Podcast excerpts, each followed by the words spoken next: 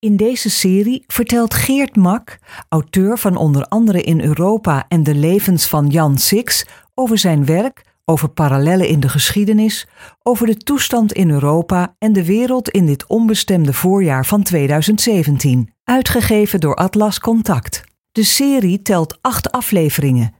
Dit is nummer 4. Als je met zo'n historisch werk bezig bent, als dat Six-boek, ja toch terwijl je aan het studeren en schrijven bent, dan dringen de parallellen zich soms onvermijdelijk aan je op. Ik had het bijvoorbeeld in het begin van de 18e eeuw. Toen in Amsterdam er een soort uh, corrupte regentenkliek ontstond. Die op den duur alle touwtjes in handen had. En die met name de neiging had om ambten aan zichzelf te geven. Iemand anders deed dan het feitelijke werk. En uh, bijvoorbeeld onze Jan Six was postmeester op Antwerpen. Verdiende daar uh, iets van uh, 11.000 guldens per jaar mee. wat ongeveer tien keer het salaris is van een dominee.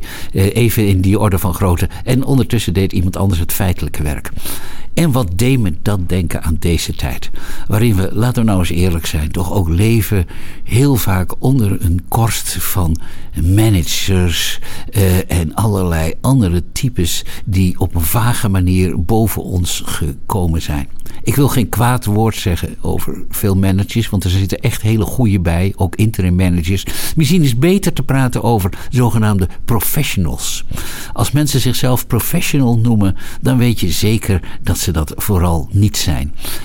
En dat lijkt op die 18e eeuw, omdat ook die groep veel geld vangt, meestal helemaal niks doet en vooral geen enkele binding heeft met de inhoud van je werk keer op keer heb ik meegemaakt, en mijn vrienden en collega's ook, dat er opeens een meneer voor je stond. Al het personeel werd bijeengeroepen met glimmend gepoetste schoenen, die precies ging vertellen wat je moest doen. Terwijl je niet wist hoe je, of je lachen of huilen moest. Want in werkelijkheid had deze leidinggevende, ook zo'n mooie term, er geen snars verstand van. Kende de inhoud van het werk niet. Ik denk dat dat probleem wat je overal ziet. Bijvoorbeeld in de politie hebben ze het heel sterk mee te maken gehad. Maar ook in het onderwijs, in de zorg, in de psychiatrie. Bij dit systeem hoort ook dat je eindeloos s'avonds lijsten moet invullen van wat je gedaan hebt.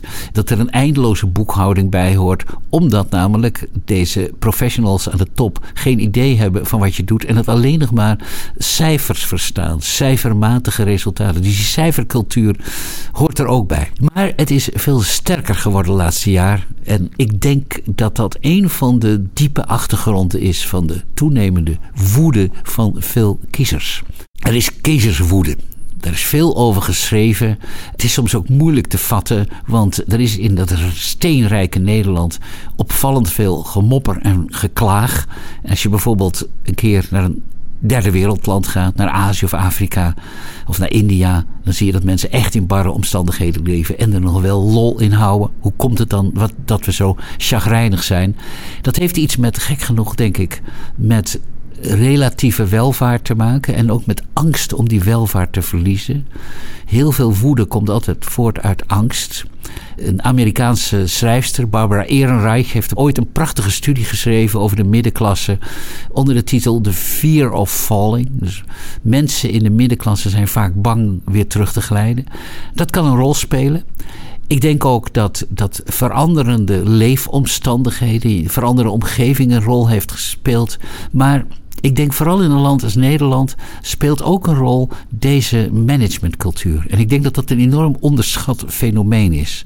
Want zoveel bedrijven, zoveel overheidsinstellingen, zoveel zorginstituten, noem het maar op, zijn op de schop gegaan de afgelopen jaren. En stevast kwam daar hetzelfde uit. Namelijk een organisatie die eigenlijk niet meer produceerde. Die ook niet rendabeler was. Maar waarbij een enorme laag van management, van organisatie, van boekhouding bovenop was gestapeld. Een laag die bovendien nog eens heel veel kostte. En die degene die het eigenlijke werk deden een enorme mate van ergernis bezorgde. Het bekende voorbeeld is natuurlijk van de bejaardenverzorgster die exact 7 minuten en 23 seconden mag hebben om een bejaarde uh, te helpen, maar geen kopje koffie meer mag drinken. Nou, dat denken in cijfers, dat heeft mensen zo vernederd, heeft mensen zo van hun waarde beroofd. Ik denk dat het een diepe bron van onvrede is onder de middenklasse. En onderschat niet hoeveel mensen uit de middenklasse tegenwoordig stemmen op protestpartijen. Nee, het is not the economy, stupid. Ik moet daar iets bij zeggen. Al die mensen die bozig zijn, van Amerika tot en met Polen, van Frankrijk tot en met Nederland. De verschillen zijn echt heel groot. Amerikanen, die zijn vooral de boze Amerikanen, zijn gewoon echt verschrikkelijk arm. Het midden van Amerika, als je daar doorheen reist, ik kan het u verzekeren, is een derde wereldland. In Frankrijk zit je bijvoorbeeld met al die dichte timmerde dorpen. Ook daar zijn de omgevingen grondig veranderd. In Nederland zit je met mensen die in buurten wonen, die door de komst van heel veel immigranten echt sterk van karakter zijn veranderd. En met de groep die ik net aanduidde, mensen die in hun werk totaal door de mangel zijn getrokken, waar alle zekerheden zijn weggezaagd. Denk ook bijvoorbeeld aan alle tijdelijke arbeid tegenwoordig. Maar er is één verschijnsel wat dat alles wel omvat.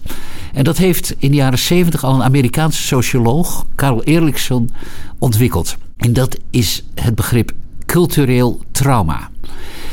Erikson zei, en al die groepen vallen daaronder, dat als er bijvoorbeeld een bedrijf sluit waar iedereen zijn hele bestaan aan ontleent. Een mijn bijvoorbeeld dichtgaat. Wat niet alleen een bedrijf is, maar ook een hele cultuur, een manier van omgang. Van decennia lang, waar echt waar de tradities in zitten. En familieverbanden en vriendengroepen. Kortom, als zoiets dichtgaat, gebeurt er veel meer dan alleen maar een economische ramp voor die mensen. Hun hele sociale leven staat dan op zijn kop. En mensen zijn dan hun doel kwijt. Die dwalen maar rond. Die worden daar of heel treurig van of heel boos van. En ik denk eerlijk gezegd dat dat begrip cultureel trauma. dat is denk ik het sleutelbegrip van deze jaren. Kortom, immigranten is maar een deel van het probleem. En bovendien is immigranten een, ja, dat is een ontzettend makkelijke zondebok. Dat geldt voor bepaalde wijken. Ja, daar kun je zeggen, door de komst van al die immigranten is een cultureel trauma ontstaan. Maar heel veel andere culturele trauma's staan daar buiten. Die hebben ook niet zoveel met de Europese Unie te doen. Die hebben gewoon met de snel veranderende tijden te maken. En bovenal hebben die te maken met een samenleving die steeds cijfermatiger is geworden. Steeds harder, die steeds minder vertrouwen kent en steeds minder erbarmen. En ik denk, om eens met Jan Terlouw te spreken, ja, inderdaad, we moeten terug. Nederland was tot voor kort een high trust society. Een vertrouwenssamenleving. In zo'n kwart eeuw is dat veranderd in een wantrouwenssamenleving. Een wantrouwen van de overheid naar de burger. En als je maar genoeg wantrouwt, krijg je ook wantrouwen terug. Op de duur ook een wantrouwen van de burger naar de overheid. En als we ergens vanaf moeten, dan is het dat. U hebt geluisterd naar Geert Mak. In de volgende aflevering wat de EU kan leren van die rare Republiek der Zeven Verenigde Nederlanden en van de Amerikaanse Founding Fathers.